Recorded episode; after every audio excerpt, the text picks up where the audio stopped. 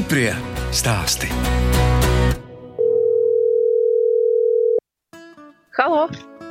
Sveiki! Paldies Dievam, esam veseli, neslimojam.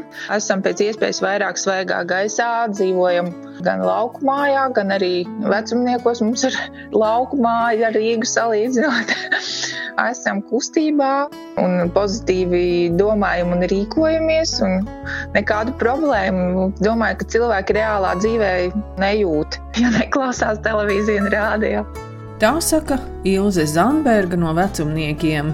Es, žurnāliste Dāna Zalamane, šoreiz tikos ar uzņēmēju, kuras vaļasprieks ir dažādu pumpuru, zālīšu un tēju lasīšana.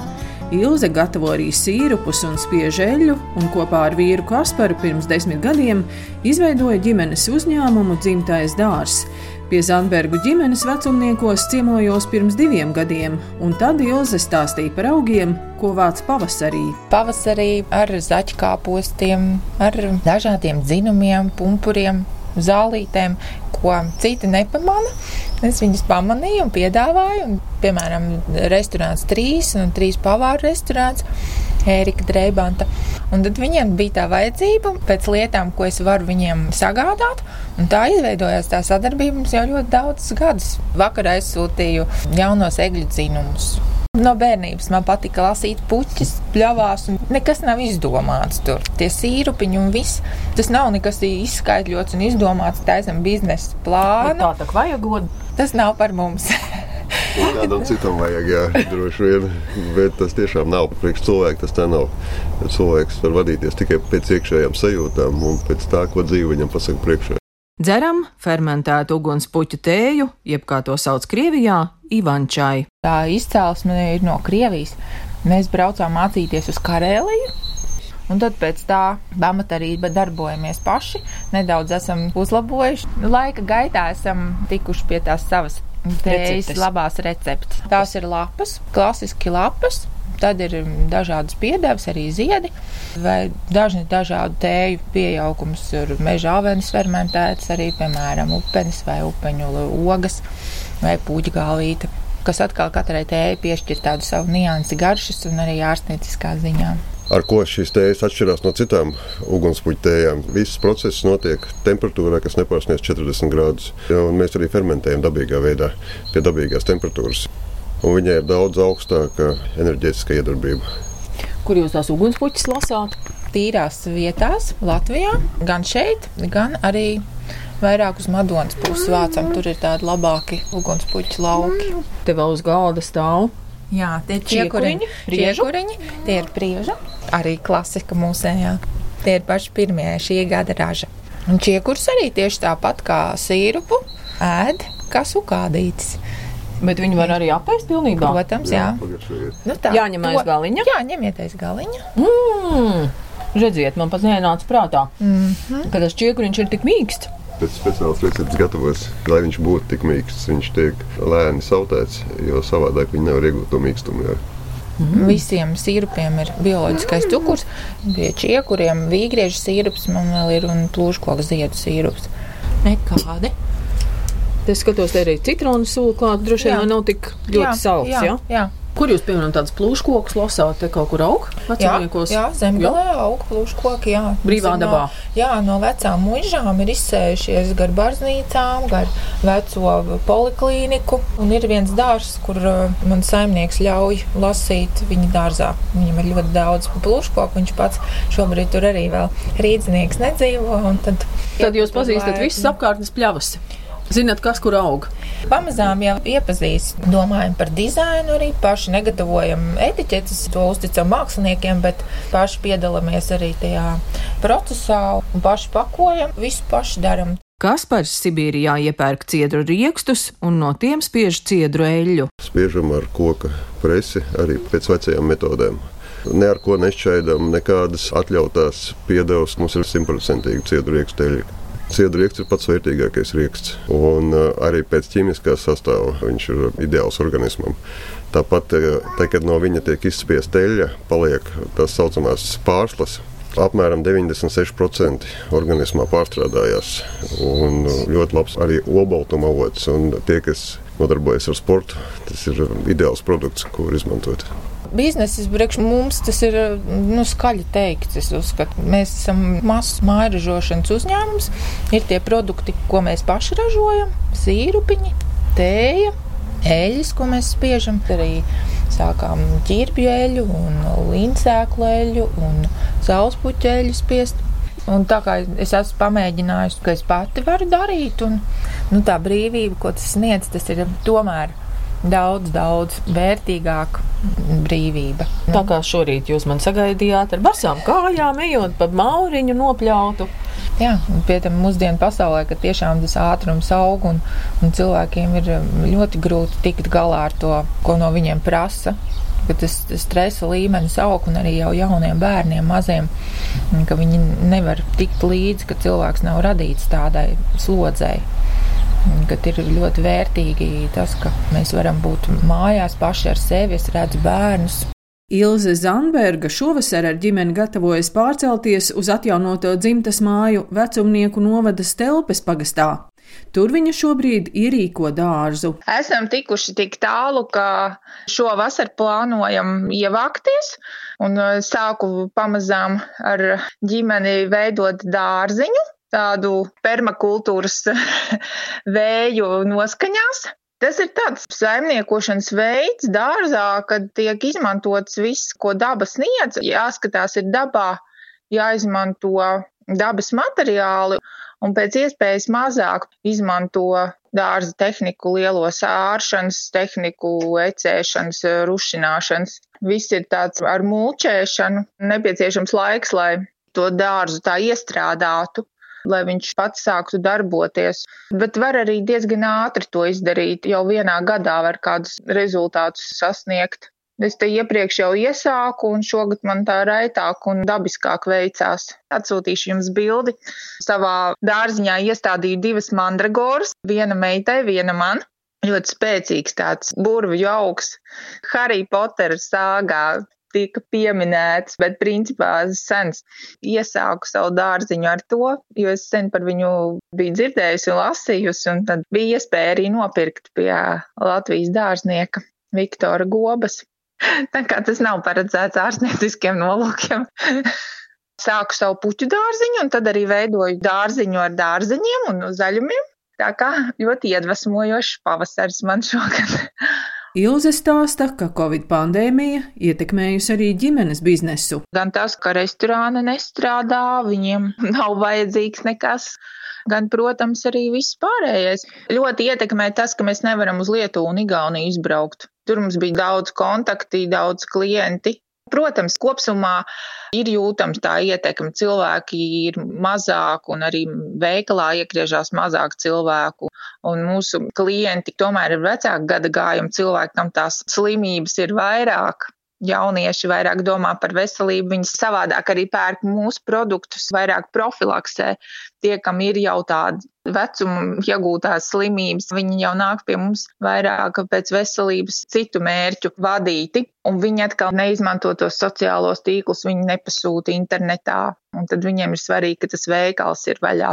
Mūsu veikals strādā visu laiku, neesam nekad apstājušies, paši arī strādājam pilnā mērā ievācam augus, un tādā ziņā mūsu dzīve nav skarta. Vienīgais tas, protams, ka pieeja cilvēkiem pie mums ir kļuvusi sarežģītāka.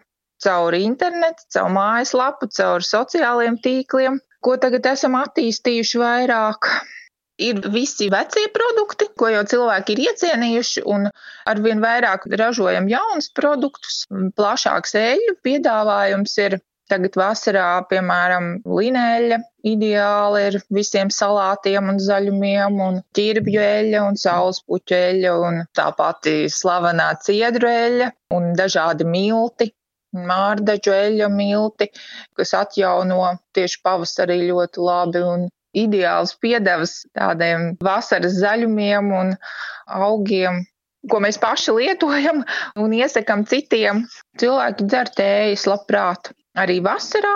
Īpaši tagad, kad ir aktuālas visas elpceļu slimības vai elpceļu kādas problēmas, arī profilaksē ideāli gan priežu čiekuriņi, gan priežu pumpuri, gan sīrups. dabas zālītes, ļoti iecienīts cilvēku vidū un pārbaudīts un palīdz. Tie, kas vēlās, tie atrod. Mēs sūtām ar pakumātiem, ja ir tāds attālums Rīga, vecumnieki, ķekava, baldone. Tur mēs visur varam piegādāt arī privāti ievedot. Es domāju, tie, kas ir tādā labā kontaktā ar sevi, tie arī atrod tos labos dabas produktus, kas viņiem palīdz.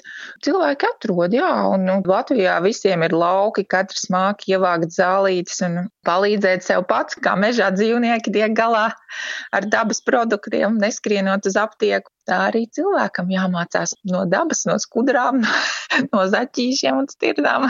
Ilzē un Kasparam Zandbergiem ir divas meitas, un vecāko meitu Ilze mācīja mājmācībā. Jaunākā vēl mums ir brīva no mācībām, seši gadiņi šobrīd vēl, bet vecākā meita pagājušajā gadā nolēma, ka viņa grib iet skolā katru dienu, jo viņa ļoti gribēja satikt bērnus un būt tajā bērnu vidē un ar draugiem, bet nu, atgriezāmies mājmācībā. Tad mums ir tā, ka vienu nedēļu bērns iet skolā, vienu neiet, un tā maska ir jālieto, bet viņa pati izlēma, ka viņa tā vēlās.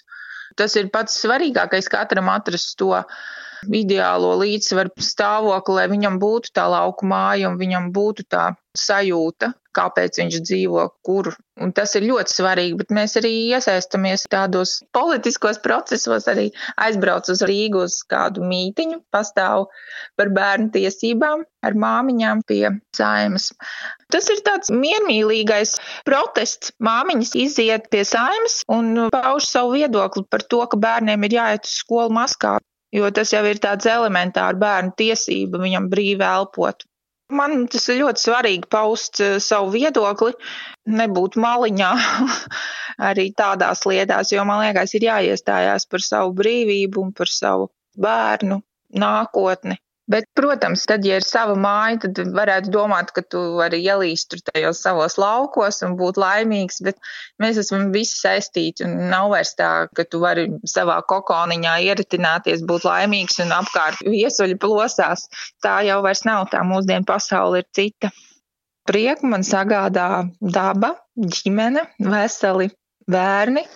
Tas, ka mēs darbojamies dzimtas mājvietā, tas, ka mēs stādām dārzu, Nu, man pēdējais prieciņš bija tās mandragoras. Atsūtīšu jums arī foto, kur mēs stādām. Katrs sīkumiņš īstenībā dabā, ja tu izēji, tas viss vien ir brīnišķīgi. Mēs likām malku ziemai, strādājām ar vīru. Un Un es saprotu, ka kaut vai skatoties uz tām malkas pagalēm, kura ir iepelējusi tik brīnišķīgās krāsās, vai arī visas sūnas un ķērpji, kas tur ir. Tās ir manas gleznas šobrīd. Tas ir tik skaisti, daba ir tik skaista, un, būt dabā tā ir dieva dāvana. Tas arī man iepriecina. Vīrs šobrīd eh, gatavojam terasītai vietu un taisīsim tādu āra terasīti, lai saulītē varam iznākt Esam iecerējuši tādu mozaīkas klājumu. Tas mani arī paceļ ar radošu skatu. Gribu pieiet visām lietām un, un daru to. Un tad katrs sīkumiņš ir iedvesmojošs. Kad dzīve iet, top kaut kas jauns, tas ir tikai dabīgi, vai ne? Citiem novēlu labu veselību, skatīties dabā un mācīties no dabas tā nopietni iedziļināties un saprast lietas un izjust sevi jo katrs mēs esam radītājs un pats radam sev to brīnišķīgo dzīvi uz šīs zemes. Stiprie stāsti!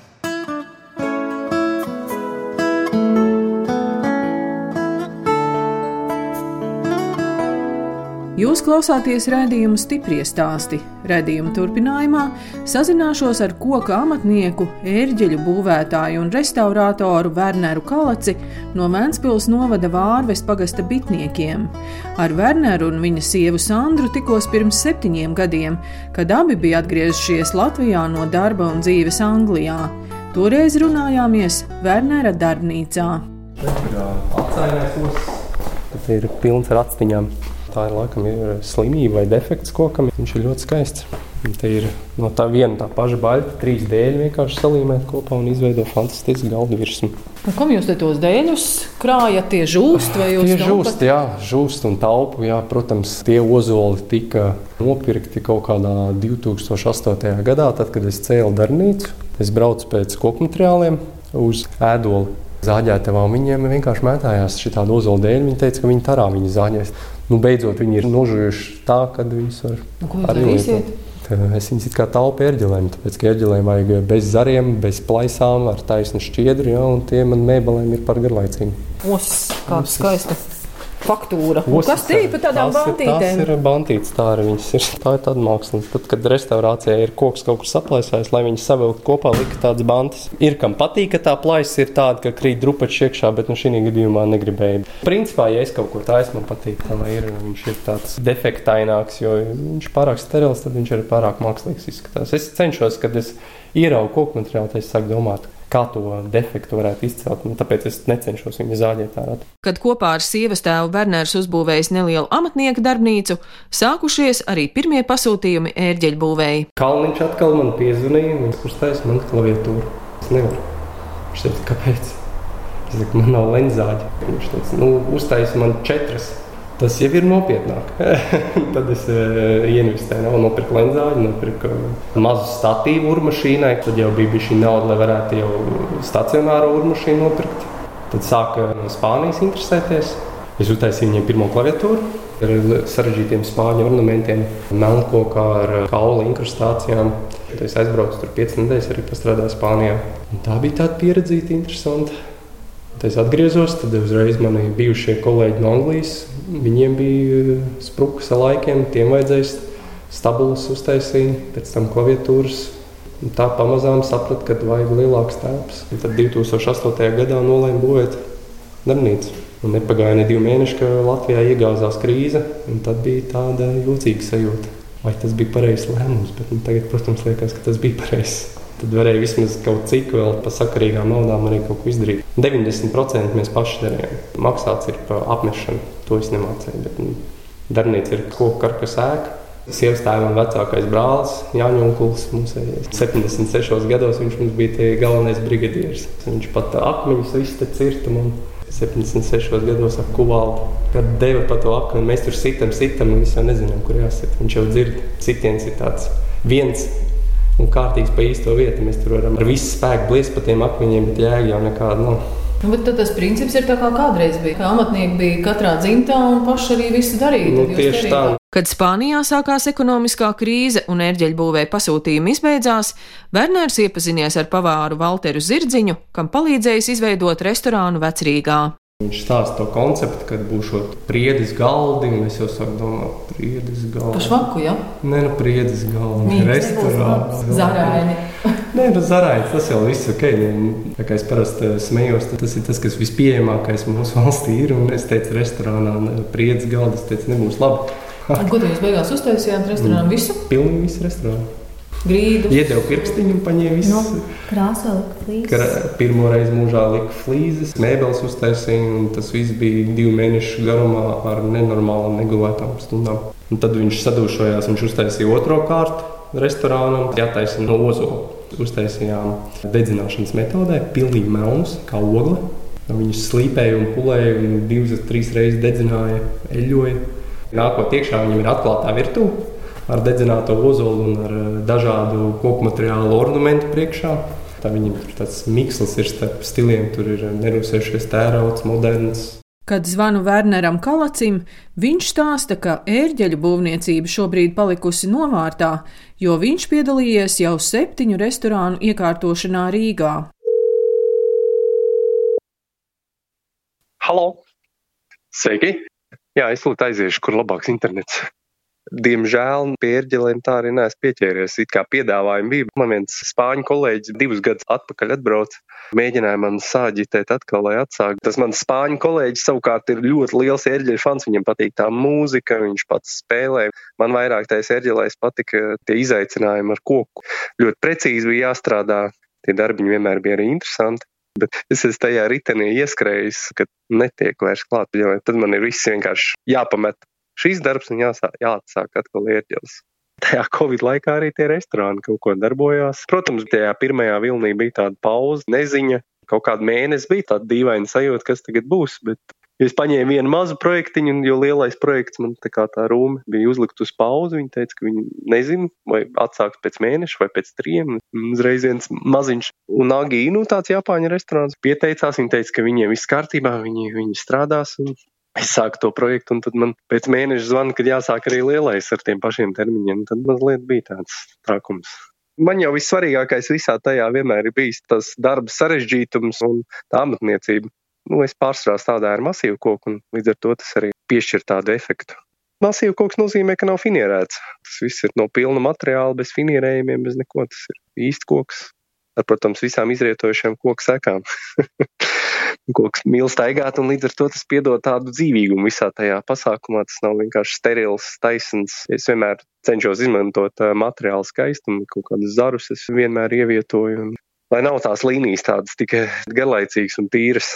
Un tas man pārsvarā arī bija mans mazais tāds knifiņš.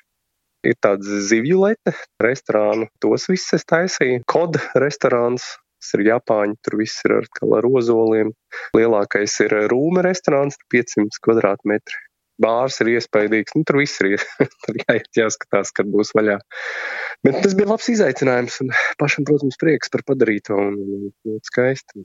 Visādas tehnikas izmantotas, Un pēdējais vēl nav pabeigts līdz galam, neļauj vērt, laikam tagad jaunās vietas vaļā, tikai ir uz līdzņemšanu atvērts tāds gaļa un maize, kebabnīca tāda moderna. Pašlaik ir tikai tādā līdzņemšanas režīmā, ka ir pabeigts bārs un minimāli iekārtots. Pats zāģēju, pērku, ābeles, ķiršus arī pat, un pārsvarā gan ir ozols un os. Es pat teiktu, vairums ir ozols priedi ļoti reti. Eh, tajā rūmē gan bija priede, izmantot lielas žalūzijas, taisījām 40 cm, 80 tādas lielas plankas.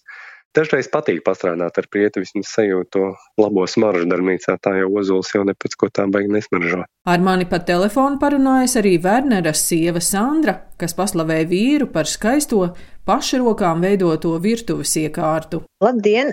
Jā, jā, klausos! Sandra Kalace! Viņš virtuvi beidzot uztaisīja. Mums ir tagad ļoti skaisti virtuvi. Un tad mums galdi vēl Werners uztaisīja mājās. Mums koka galds skaists apaļš.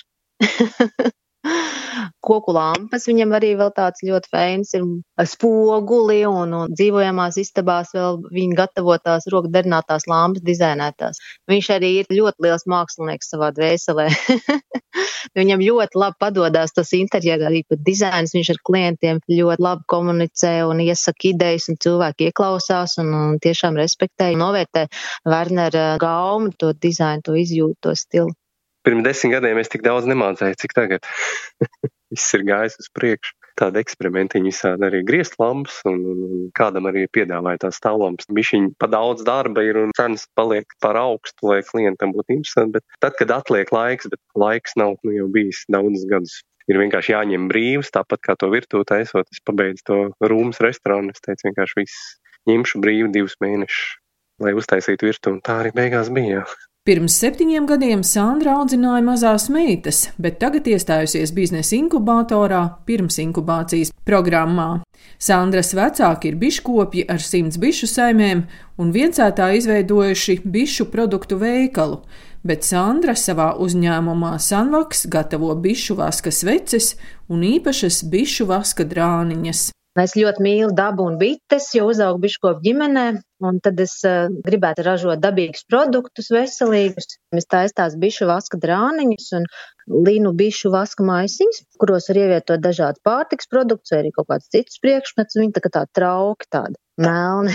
Zāļu tējas lasu, tur, kur ir bišu ganības maniem vecākiem. Tur es ievācu tur dažni dažādi 21 zāļu veidu. Un tad mums arī tādu bišu dziedinātavu tādu mājiņu ir uzbūvēta, vīrs uzbūvēja, kur var gulēt uz bitēm. Es vēlētos sniegt tādu pakalpojumu, ka cilvēki var atbraukt un, un gulēt tajā bišu dziedinātavā un tā kā tāda apiterapija veids, kur cilvēks guļ tādā speciālā gultā, viņš elpo bišu gaisu, paps ļoti gribēja pats izmēģināt, nu, lai uzlabotu veselību. Tur, ja spiediens ir augsts, viņš normalizējot tā bišu vibrāciju, palīdz tam organismam pašatjaunoties un atveseļoties. Es gribētu tās meistarklasītes arī piedāvāt cilvēkiem bišu vasku sveču gatavošanu, bišu vasku lupatiņu izgatavošanu, lai es varētu līdzdarboties šajā saimniecībā un, un tādējādi saglabājot tās dzimtās vietas lauksētu bitnieku, lai man tā darbošanās būtu tāda jēgpilna stāsta, ka pievienot vērtības, nu, nodošana patērētājiem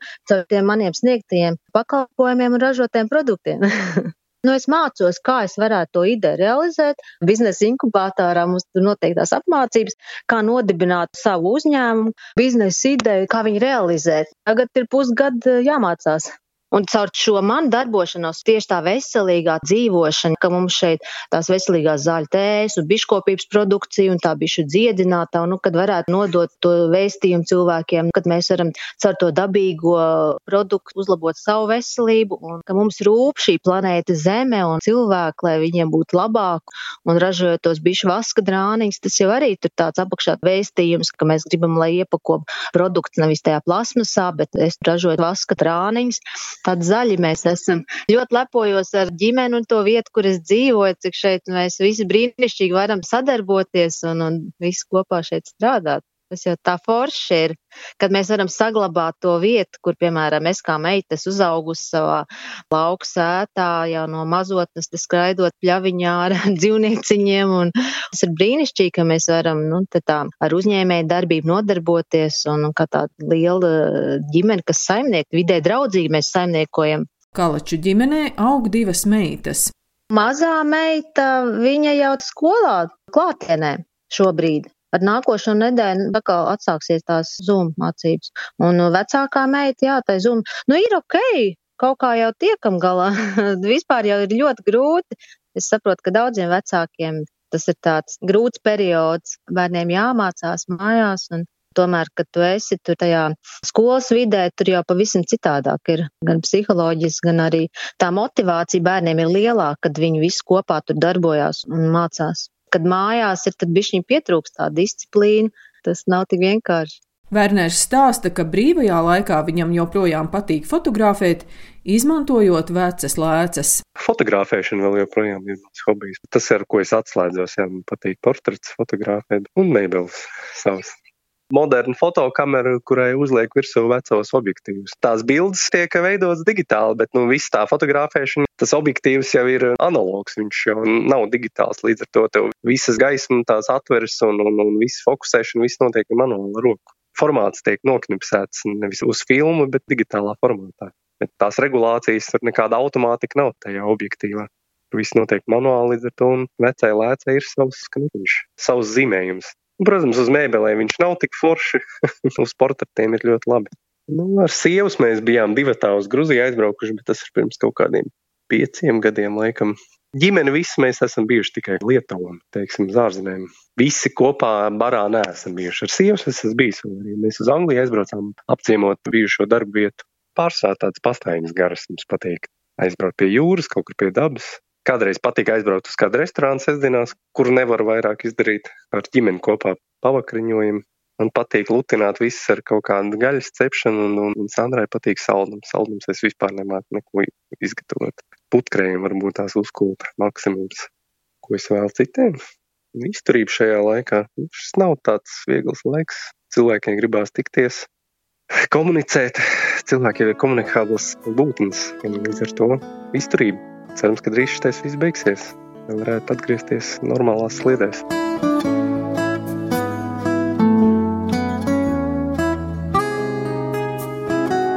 Radījums stipri stāsti izskan Šoreiz sazinājos ar koka amatnieku Werneru Kalaci no Vēncpils novada Vārves pagasta un viņa sievu Sandru, kas savu mazo biznesu veido balstoties uz vecāku izveidoto biškopības saimniecību. Vārvē izveidota bišu dziedinātava, un Sandra ražo lupatiņas un maisiņus no bišu vaska bet Ilze Zandberga kopā ar vīru Kasparu izveidojuši ģimenes uzņēmumu dzimtais dārzs un gatavo tējas, sīrupus un spiežeļas. No jums atvedās žurnāliste Dāna Zalamane un operātore Inga Bēdele. Uz tikšanos!